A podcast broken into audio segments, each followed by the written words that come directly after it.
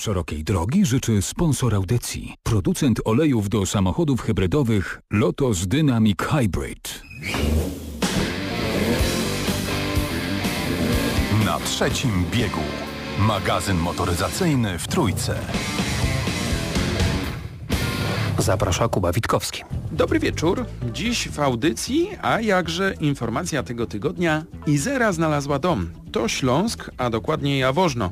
Co jeszcze? Między innymi o wysypie tuneli, które powstają w ciągach nowych dróg. Zajrzymy też do miejsca, gdzie motoryzacja styka się z historią. Zapraszam. Moto wiadomości. Na te wieści czekaliśmy od kilku miesięcy. Odkąd spółka Electromobility Poland pokazała prototypy Izery, pozostało czekać na szczegóły. No i już wiemy, polski samochód elektryczny będzie produkowany w Jaworznie na Śląsku. Produkcja ma ruszyć za 4 lata. Fabryka będzie zlokalizowana w katowickiej specjalnej strefie ekonomicznej. Pracę w zakładzie znajdzie 15 tysięcy osób, z czego 3 tysiące w zakładzie w Jaworznie oraz 12 tysięcy u dostawców i kooperacji Prezes spółki Electromobility Poland Piotr Zaręba zapewnił, że duża część podzespołów Izery będzie produkowana na Śląsku, ale kluczowe jest tu słowo duża. Szacunki bowiem wahają się od 30 do 80%. Co ciekawe, ambitny plan zakłada też, że Izera będzie jak Volkswagen dla Niemca, czyli autem dla ludu. To będzie dobrej jakości samochód, który nie będzie odbiegał w niczym od e, samochodów konkurencji. To będzie samochód, który będzie oferowany w bardzo atrakcyjnym systemie raty miesięcznej, która również będzie obejmować koszty energii elektrycznej. Nasze założenie jest takie, że ta rata miesięczna będzie niższa od samochodu spalinowego tej samej klasy. Czy projekt wypali? Czas pokaże. Nie brak zarówno entuzjastów, jak i sceptyków. A co do Jaworzna i fabryki, budowa ma się rozpocząć w przyszłym roku. Skoro o elektrykach mowa, polska Izera będzie miała kolejnego konkurenta, bo do gry na rynku e-mobility już oficjalnie i to z pełną parą wkracza Toyota. Koncern po latach rozwijania technologii hybrydowych zapowiedział gamę elektrycznych modeli, a pierwszy będzie kompaktowy SUV. Nowy model powstanie na bazie uniwersalnej platformy, którą można łatwo zaadoptować do wielu różnych typów samochodów. Toyota już zaprezentowała zarys sylwetki nowego modelu, ale szczegóły techniczne poznamy dopiero za kilka miesięcy. Teraz o nowoczesnych światłach samochodowych i nie są to niestety dobre wieści. Niemiecki ADAC wypuścił raport na temat trwałości świateł LED.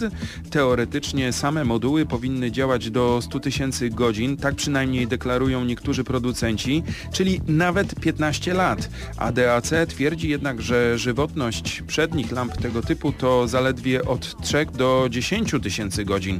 Jakby tego było mało, spadek jasności świecenia poniżej poniżej 70% też oznacza wymianę, zwykle bardzo kosztowną od kilku do nawet kilkudziesięciu tysięcy złotych. Teraz coś dla fanów Porsche, choć mam wrażenie, że dla tych ślepo zakochanych i obrzydliwie bogatych. No ale w końcu to Porsche. Marka sprzedaje bowiem modele swoich aut w skali 1 do 8 i nie byłoby w tym nic szokującego, gdyby nie cena. Za model 911 GT1 lub 911 RST trzeba zapłacić, uwaga, 46 200 złotych. A skoro o hobby motoryzacyjnym mowa, ci Państwo są w tym absolutnie wyjątkowi.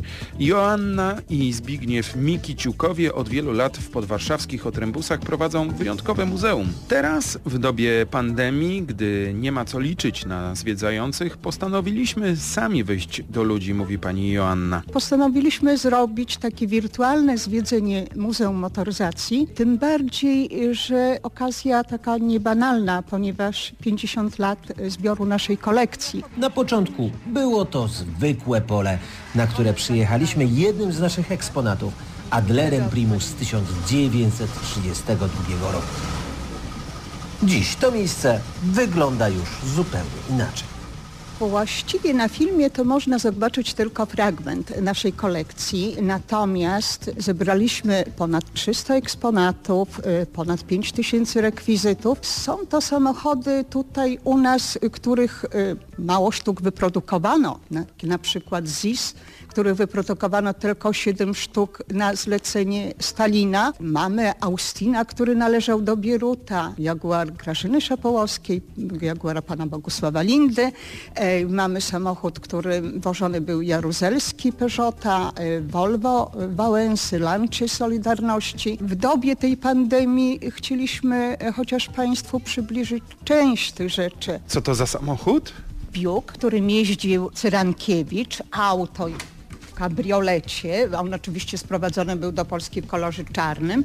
W tej chwili jest w różu, bo to są lata takiego Presleya, więc to jest taki zupełnie presleyowski samochód. Czy ja mogę usiąść? Proszę usiąść. To ja sprawdzę, jak wygodna jest ta kanapa. Rozsiądę się. O. Tu stoimy przed autem z lat dwudziestych, które jest tak zwanym, nazywa się przez kolekcjonerów kredensem, ponieważ jest to auto kwadratowe, wysokie. Wtedy wiemy, że panowie jeździli w cylindrach, pani w przepięknych kapeluszach, więc w związku z tym zupełnie inne kształty.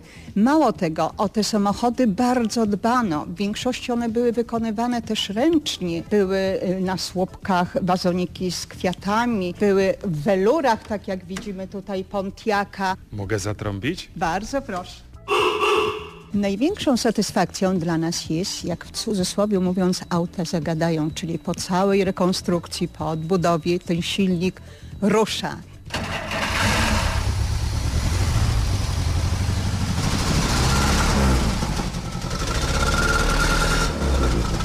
Chodzi o to, żeby one po prostu jeździły, żeby one były usprawnione, żeby można było je pokazać społeczeństwu nie tylko w naszej placówce w muzeum, ale również na zewnątrz, na ulicach, w filmach i dlatego też takie założenie było stworzenia takiej placówki muzealnej, których jest mało na świecie, gdzie auta są właśnie jeżdżące. Oczywiście, jak tylko koronawirus da za wygraną, warto tu przyjechać i na własne oczy przekonać się, o czym tu mowa. Temat tygodnia. Ostatnio gruchnęła wieść, że część południowej obwodnicy Warszawy jest już na ukończeniu. Chodzi tu o odcinek między Wilanowem a ulicą Lubelską, który częściowo składa się z nowego mostu przez Wisłę. Trwają tam odbiory techniczne, przyznał w rozmowie ze mną Szymon Piechowiak z Generalnej Dyrekcji Dróg Krajowych i Autostrad. Droga będzie dostępna dla kierowców przed Sylwestrem, powiem więcej, przed świętami. No tak, ale y, co z tym y, odcinkiem ursynowskim? Kiedy będzie gotowy tunel w ciągu ulicy Płaskowickiej? Faktycznie ten tunel zostanie oddany później niż y, pozostałe dwa odcinki. Prace trwają i zrobimy wszystko, aby kierowcy mogli tunelem pojechać do końca drugiego kwartału przyszłego roku. Tutaj oczywiście będą bardzo istotne odbiory, między innymi Państwowej Straży Pożarnej.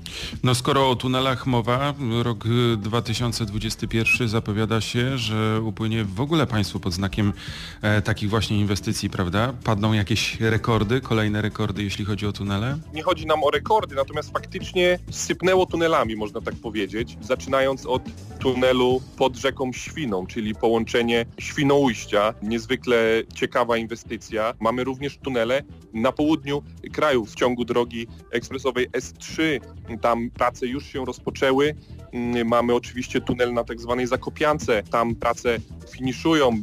Liczymy na to, że w przyszłym roku kierowcy mm, będą mogli z tego tunelu już skorzystać. Mamy również tunele w województwie podkarpackim, czyli droga ekspresowa S19. My też niejako uczymy się, to jest dla nas nowość, przy każdym tunelu powstaje centrum zarządzania ruchem. Mowa tu innymi o kamerach zliczających pojazdy wjeżdżające i wyjeżdżające z tunelu, tak aby to się zgadzało. No, ewentualne różnice w tym oznaczają, że któryś z samochodów został w tunelu i trzeba podjąć niezbędne działania. To są również kamery wychwytujące pieszych czy rowerzystów, którzy oczywiście nie będą mogli się takimi tunelami przemieszczać. Szereg innych rozwiązań związanych z bezpieczeństwem, znaki zmiennej treści, czy dany pas jest otwarty, czy zamknięty, podstawowa rzecz. Rzecz kwestia regulowania prędkości. Jakich nowych odcinków dróg mogą się spodziewać kierowcy w 2021 roku? Na pewno będą to pierwsze odcinki trasy Via Baltica, czyli drogi ekspresowej S61, pierwsze odcinki trasy Via Carpatia, czyli drogi